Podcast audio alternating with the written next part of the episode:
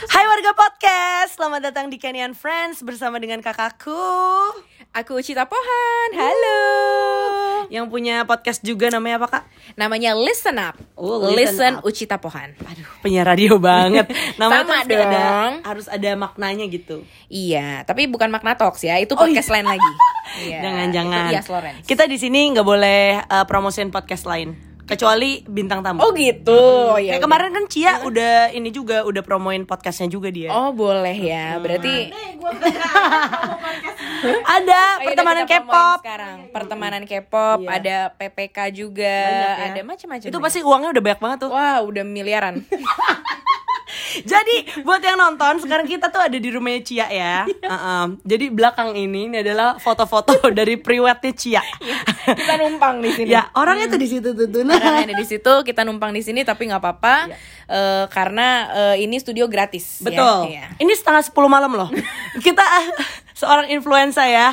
Ya ampun setengah 10 malam masih buat podcast gitu kan. Tapi apa kabar Kak Ucita Pohan? Baik, kamu tahu kabar aku kan? Kita kan saling follow-followan di sosial media, ya Betul. kan?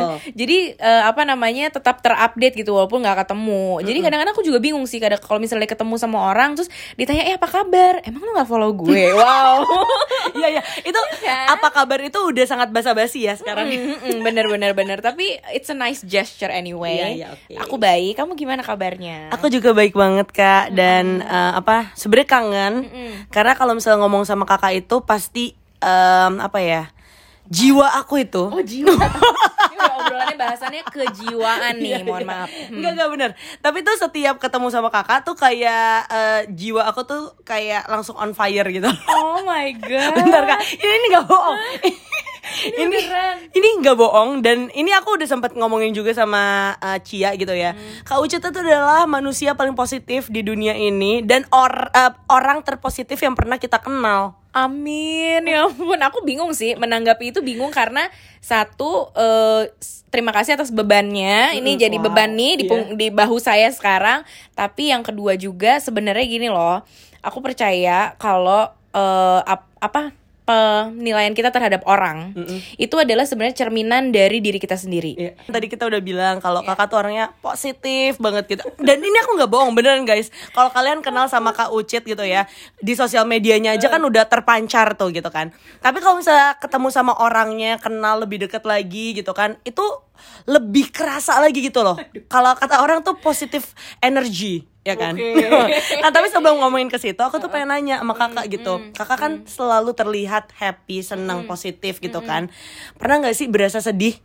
Pernah lah, kan ai manusia. Iya, benar. Jadi sebenarnya emang itu sih kadang-kadang kan orang tuh cuman bisa mengenal kita eh, luarnya aja. Means kayak kita selalu punya sisi yang tidak dilihat sama orang. Yang yang kita keep sendiri atau yang mungkin cuma orang-orang terdekat kita doang yang tahu gitu. Jadi kenapa kelihatannya kok happy-happy aja, selalu terlihat ceria, apakah pernah sedih? Tentu saja pernah sedih, cuman nggak aku posting Iya, gitu. Dan sama gak sih kayak manusia lainnya gitu? Iya. Bukan kakak maksudnya alien. Tapi kayak, kayak menurut aku em, Ya kadang-kadang aku juga sedih gitu. Walaupun aku udah berasa nih Gila gue positif nih 11-12 sama Kak Ucit Iya, gitu. iya, iya. Cuman aku tuh tetap yang kayak em, Apa ya Perilaku aku ke orang-orang yang sekitar aku. Hmm. Terus kadang-kadang aku juga masih tetap sih Posting di sosial media gitu-gitu. Tapi kalau kakak tuh Kayak gimana ya? Susah kayak gambarinnya. Tapi nggak Kalau misalnya kakak lagi sedih Lagi kayak marah gitu Iya, iya. Sebenarnya apa sih yang kakak lakukan gitu Oh, aku sih biasanya kayak ngerusak-rusak barang, banting-banting. Banting-banting pecah belah gitu. Enggak sih. Makan beling, kan? Itu lebih ke ini dong, langsung Debus. show dong debus kalau makan beling. Apa ya, kalau lagi sedih biasanya aku eh, eh, luapin sama diri sendiri dulu. Jadi Hmm. aku biasanya tuh eh, nangis. Biasanya lah ya anak-anak yang suka mikir, agak sedikit overthinking di masa Hmm. Iya, mudanya iya. gitu ya. Itu kadang-kadang kan punya pemikiran-pemikiran yang kalau misalnya lagi sedih tuh dirasain banget. bener. Pasang lagu sedih terus ikut ah nangis Iya, iya. mendayu-dayu gitu. Aku tipe yang eh, cukup eh, lumayan bisa meluapkan eh, perasaan sedih dengan cara seperti itu. Abis itu biasanya aku curhat ke orang yang aku percaya. Jadi misalnya ke sahabat atau misalnya ke ke misalnya hanya bisa dibahas sama keluarga ya aku bahas sama Hmm. sama kakakku, sama mamaku gitu. Tapi tapi pasti aku sampein sih ke orang gitu. Hmm. nggak mungkin aku simpan sendiri juga. Nah, cuman bedanya ya itu nggak nggak secara publik gitu Iya, nyeritainnya. Jadi kelihatannya cuman yang seneng-senengnya doang. Tapi yang sedih-sedihnya sih juga sebenarnya seimbang sama seneng-senengnya. Nah kakak tuh mulai punya positive mindset Cailah sebelum ngomongin ke lebih dalamnya gitu ya. Wis, Itu gila. semenjak kapan sih? Apakah dari lahir Ucita Pohon tuh udah kayak Aku positif Nggak, kalau eh, nyokap gue waktu hamil gue itu pas dia eh, tes dia positif. Oh iya Itu udah pasti itu dong Positivity pertama yang ada hubungannya sama gue. Iya, iya, ya, iya, iya. nyokap gue hamil gue terus dia tes eh positif ya itu. Tiba-tiba kayak Maria Enggak, enggak ada Mohon maaf Itu cuma agama saya yang tahu iya, agak roaming ya. Tapi pengetahuan kok itu. Iya, terima iya, kasih. Iya kan Soalnya Maria kan gak pakai tes pack Iya dia benar-benar tiba-tiba lahir ya. Oke Oke, lanjut jadi gitu sih. Apa namanya? Kalau misalnya proses juga sih Hmm. proses gitu. Dulunya juga aku termasuk orang yang eh, suka ngeluh sehari-hari. Oke. Terus udah gitu zaman ABG tuh kayak banyak ya kayak protes-protes dalam hidup gue gitu kayak ini kok kayak gini sih ini kan kayak mestinya kayak gini gitu ini kenapa bisa terjadi kayak gini sih pokoknya banyak protesnya terus udah gitu ngeliat sesuatu Insecurities gimana? Insecurities insecurities maksudnya dalam uh, poin apa nih Poin anything gitu. Kayak Oh, misalnya sebagai cewek diri sendiri iya. ya. Itu juga pasti ada gitu. Apalagi masa muda zaman zaman ABG dari kecil sih sebenarnya aku tuh dari SD tuh udah termasuk anak yang udah baca majalah remaja. Oh, wow. jadi gue kayak dewasa sebelum waktunya Iya, gitu iya. loh. Kartini? Itu majalah ibu saya dong kalau kartini ya maksudnya dari dari zaman yang belum baca majalah uh, teman-teman gue belum baca ma- majalah gadis gitu Oh, tuh gue udah baca Seventeen gitu udah baca Wow Nah, cheatnya gimana caranya? Hmm. eh, apa namanya kita bisa dapetin majalah luar padahal uang jajan bukan budget anak orang kaya? Hmm. itu adalah gue tuh dulu suka, eh, aku tuh suka beli majalah bekas. Oke Seventeen, Hmm. eh, Cosmo Girl pada saat belum masuk Indonesia itu aku beli yang udah edisi tiga bulan yang lalunya gitu di Pasfest deh kalau nggak salah Hmm. Di Pasfest tuh ada satu toko buku yang jual majalah-majalah eh, dari bulan-bulan sebelumnya. Tapi majalah luar negeri. Wow. pulang dari situ beli setumpuk eh, dan di situ ngeliat bahwa oh ternyata dunia ini tuh luas ya. Wow. Gitu. Kehidupan tuh di luar tuh kayak berwarna banget. Dari mulai warna kulit bentuk tubuh itu semua aku pelajarin dari majalah-majalah luar itu jadinya punya pemikiran yang istilahnya apa ya kayak terbukalah di situ per- iya, iya. pemikiran aku gitu dibandingin mungkin anak-anak seumur aku pada saat itu Hmm. yang di Indonesia gitu kan. Ya jadi itu salah satu poin yang juga aku belajar banyak positivity itu dari Oh, dari majalah.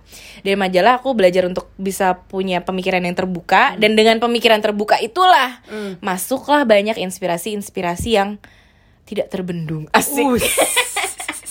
Mengalir gitu ya Yo, eh tapi itu loh poinnya. Iya iya iya benar benar kita ngerasa stuck kita ngerasa nggak mau membuka kita nutup kita saklek kita kayak apa ya istilahnya kaku banget Iya, sama iya, sesuatu yang kita percaya ini udah paling bener susah loh mau berkembang Contohnya apa tuh kak? Contohnya segala pemikiran apa pun Kalau kita udah ngerasa kita yang paling bener Atau kita ngerasa hal yang kita pegang sekarang itu adalah The only thing that's right gitu Yang orang lain salah Orang lain gak keren Cuma gue doang yang keren Orang lain gak asik Gue yang paling asik. Kalau udah ada kata-kata Gue yang paling itu kan artinya kita kayak nggak membuka kesempatan untuk belajar hal baru Iya, kan? iya, iya. nggak mau nerima bahwa oh dunia ini tuh emang macem-macem ya. Once udah kita punya pemikiran kayak gitu stuck loh malahan. Hmm. gitu Wow, aku literally diem guys. Bener-bener kayak kalau ngobrol sama Kak Ucet ya, kayak kayak cuman bisa nyerap gitu loh. itu sebenarnya sambil sekalian tadi kan dia natap mata aku kan itu aku sambil ngehipnotis gitu Oh, pantesan. Udah agak teler nih. Pulang yuk. ternyata pakai ilmu hitam takut ah Tapi ada nggak sih nilai-nilai yang kayak kakak bawa terus gitu dalam hidup kakak? the real meaning of positivity buat aku sekarang adalah bukan segala sesuatu yang baik aja Hmm, oke. tapi the real meaning of positivity sebenarnya adalah netral ada di tengah selama ini nih ya selama ini aku tuh ngerasa eh, hidup tuh kayak gini nih linear gitu jadi dari satu garis ini negatif paling kiri paling kanan ini positif Mm. jadi either lo di sini atau di sini Ya. hitam atau putih. Iya. Padahal sebenarnya banyak faktor untuk bikin sesuatu itu bisa positif atau negatif dan iya, iya. kadang-kadang dia ada di tengahnya. Betul. Kalau menurut aku ya, eh, positivity itu akhirnya aku sadari bukan yang paling mentok kanan. The real meaning of positivity itu adalah menyadari dan menerima kalau negativity itu ada. Ah. And it's part of our life.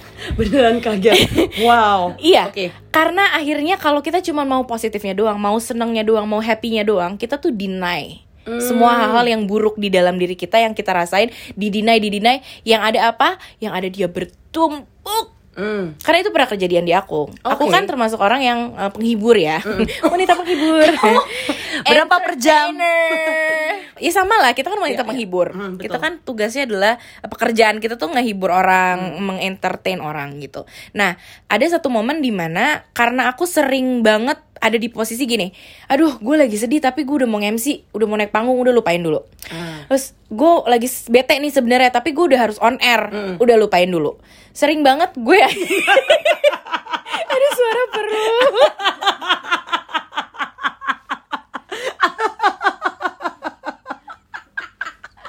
Sumpah. Ini kayak lagi. Kayaknya badan aku tegang.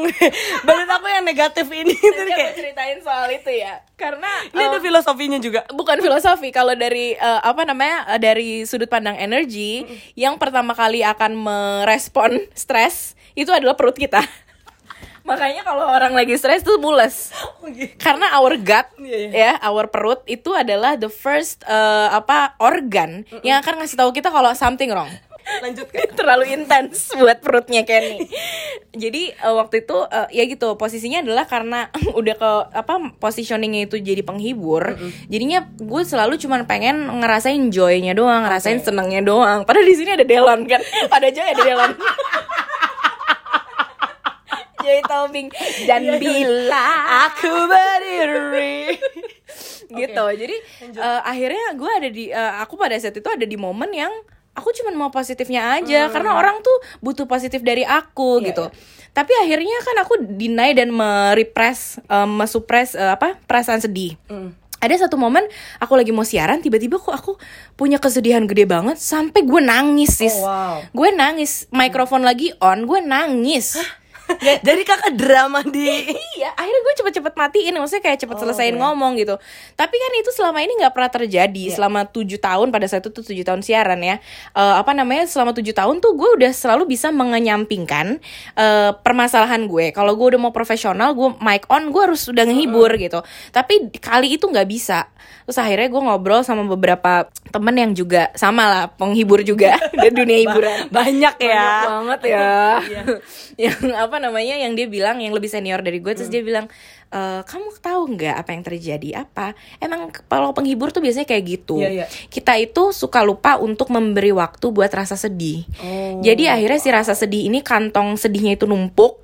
Ketika dia udah numpuk udah penuh dia meluap-luap sendiri kita udah nggak bisa kontrol lagi gitu. Jadi dari situ aku belajar untuk oh iya juga ya emang eh, sebagai manusia nggak bisa kita cuman mau mengakui yang seneng-senengnya doang. Tapi yang sedih-sedihnya atau yang gak enak-enaknya juga harus kita terima kita akuin. Tapi yang gak usah didramain juga Ya, ya, ya, gitu dan apa namanya The real meaning of positivity ternyata adalah itu menerima dua-dua hal bahwa setiap sesuatu itu pasti ada positif ada negatifnya and it's okay to feel it all Ya ya ya. gitu. Jadi ketika sedih ya dirasakan dan ketika senang ya enjoy gitu ya. enjoy Oke, enjoy oke. Hmm. banget dan apa namanya akhirnya jadi nggak berlebihan kan ketika sedih nggak berlebihan ketika seneng juga nggak eh, kayak berlebihan banget juga gitu jadi dan eh, apa namanya di situlah akhirnya jadi memahami bahwa kayak oh ya groove-nya hidup ini tuh sebenarnya emang gimana soal balancing dua hal itu sih Iya. gitu jadi emang nggak ada yang pernah di- bisa dibilang di dinai sedihnya gitu Hmm. istilahnya nanti jatuhnya jadi toxic positivity Wow, toxic positivity. Ketika eh, seseorang atau kita punya perasaan eh, apa namanya mendinai hal-hal yang negatif hanya mau percaya yang positifnya Oke, aja. Jadi kayak misalnya ada teman lagi sedih baru putus misalnya terus dibilang udah lah lu nggak usah nggak usah sedih-sedih kayak gitu. Apa namanya eh, udah lupain aja udah lu harus move on sekarang lu harus ini ini, ini gitu. Jadi apa ya istilahnya kita meng nyuekin rasa sedihnya dia. Padahal kan pada saat itu dia lagi berduka Iya, kan gitu. Biarin aja dia ngerasain berduka dulu gitu. Sama seperti juga kayak terhadap diri sendiri. Kadang-kadang kita lagi mau ngerasain apa eh kita deny sendiri gitu. Yang ada ya itu tadi akhirnya jadi toxic positivity. Once kantong kantong negativity-nya penuh dia malah yang ambil Langsung, kendali. iya, lu nggak bisa kontrol itu lebih bahaya lagi loh. Ya, ya, ya. Oke, nah tadi kan pas kita ngobrol-ngobrol nih, kakak sempat menyampaikan kalau ada dua kata-kata yang kakak paling pegang. nah itu dia. Yes, yes. itu nilai hidup nggak nggak belum sampai nilai hidup bisa, ya bisa dibilang kayak gitu apa ya Em, karena aku juga lagi ngerasa aku punya mental shifting sih akhir-akhir wow, ini Kak- kakak tuh bahasanya bagus-bagus banget ya. Aku tidak pernah dengar sebelumnya. Sih bahasa- Mental shifting. mental shifting bahasa casualnya apa coba perubahan mental pergeseran nggak ada nggak ada yang casual itu udah paling casual mental shifting Iya, gitu makanya. pola pikir aku ada yang berubah Oke. ya pola- Selama pandemi atau enggak? Iya puncaknya pada saat pandemi sih Oke. prakteknya tapi beberapa saat sebelum itu udah mulai ada lah eh, apa kejadian-kejadian yang membawa aku ke pemikiran ini sekarang gitu bahwa eh, kalau yang dulunya ya aku kayak ngerasa eh, semuanya tuh harus sempurna Oke. harus baik adanya harus positif. Akhirnya aku jadi memaksakan diri untuk mengejar hal-hal itu. Dan ketika aku misalnya belum bisa dapetin hal itu aku jadi kecewa sendiri. Oke. gitu. Jadinya ambisius kan. Ambisi tapi juga nggak disertai dengan berpasrah. Kan kita kan disuruh usaha tapi habis itu pasrah kan. Iya, iya. nah ketika akhirnya kayak usahanya ngotot pengen banget gitu ya ambisinya terlalu besar terus nggak nggak dapat apa yang dipengen itu tuh jadi jatuh jadi drop dan segala macam gitu. Karena di kepala gue ngerasanya lah kok bisa gagal ya? Gue kan Iya, iya. harusnya kayak gini. Iya, harusnya itu udah bisa terjadi. Harusnya gue udah achieve A B C D gitu. Nah kata-kata harusnya yang selama ini gue denger dari kepala gue sendiri dan lingkungan sekitar gue yang bilang oh harusnya lo tuh begini lo mestinya kayak gini. Itu tuh berganti ketika akhirnya gue ngobrol sama ini sebenarnya salah satu terapis gue juga sih namanya Mbak Ina. Dia setiap gue eh, ngobrol sama dia dia cuman dengerin setelah selesai dengerin dia cuman bilang eh dia nanya sama gue pada saat itu kenapa kamu olahraga sampai kakinya cedera? Iya soalnya aku kan kalau misalnya penyiar itu kan nafasnya harus panjang mbak. Jadi aku tuh harus olahraga seminggu eh, lima hari ada eh, tenis ada lari ada squash ada zumba apa. Wow. oh padahal kamu bukan atlet ya? Bukan. Ya tapi kan kalau aku nge-MC aku harus punya suara yang bla bla bla aku gitu. Iya iya iya. Terus dia bilang gini, sebenarnya punya ambisi itu bagus, tapi kalau itu sampai merusak diri sendiri, kamu sebenarnya ngejar apa? Toh kalau kamu udah sakit, kamu nggak bisa kan mengejar semua yang kamu pengen itu. Jadi mm, sebenarnya nggak ada yang harus kok di dunia ini. iya, iya. Harus itu tuh cuman kata orang-orang dan pikiran kamu sendiri. Padahal sebenarnya semuanya balik lagi ke kenyamanan kamu maunya gimana. Nggak ada yang harus kok. Semua itu pilihan. Nggak ada yang harus di dunia ini. Dan setiap aku ngomong iya tapi gini gini gini yang biasanya kalau misalnya aku curhat gitu ya sama teman-teman mungkin ya sama sama orang-orang lain itu selalu mendapatkan atau sering dapetin oh ya mestinya jangan gini ah tuh kan makanya gini gitu. Aku cuman dapat jawaban setiap aku curhat aku cuman dapat jawaban oh ya udah nggak apa-apa. Hmm.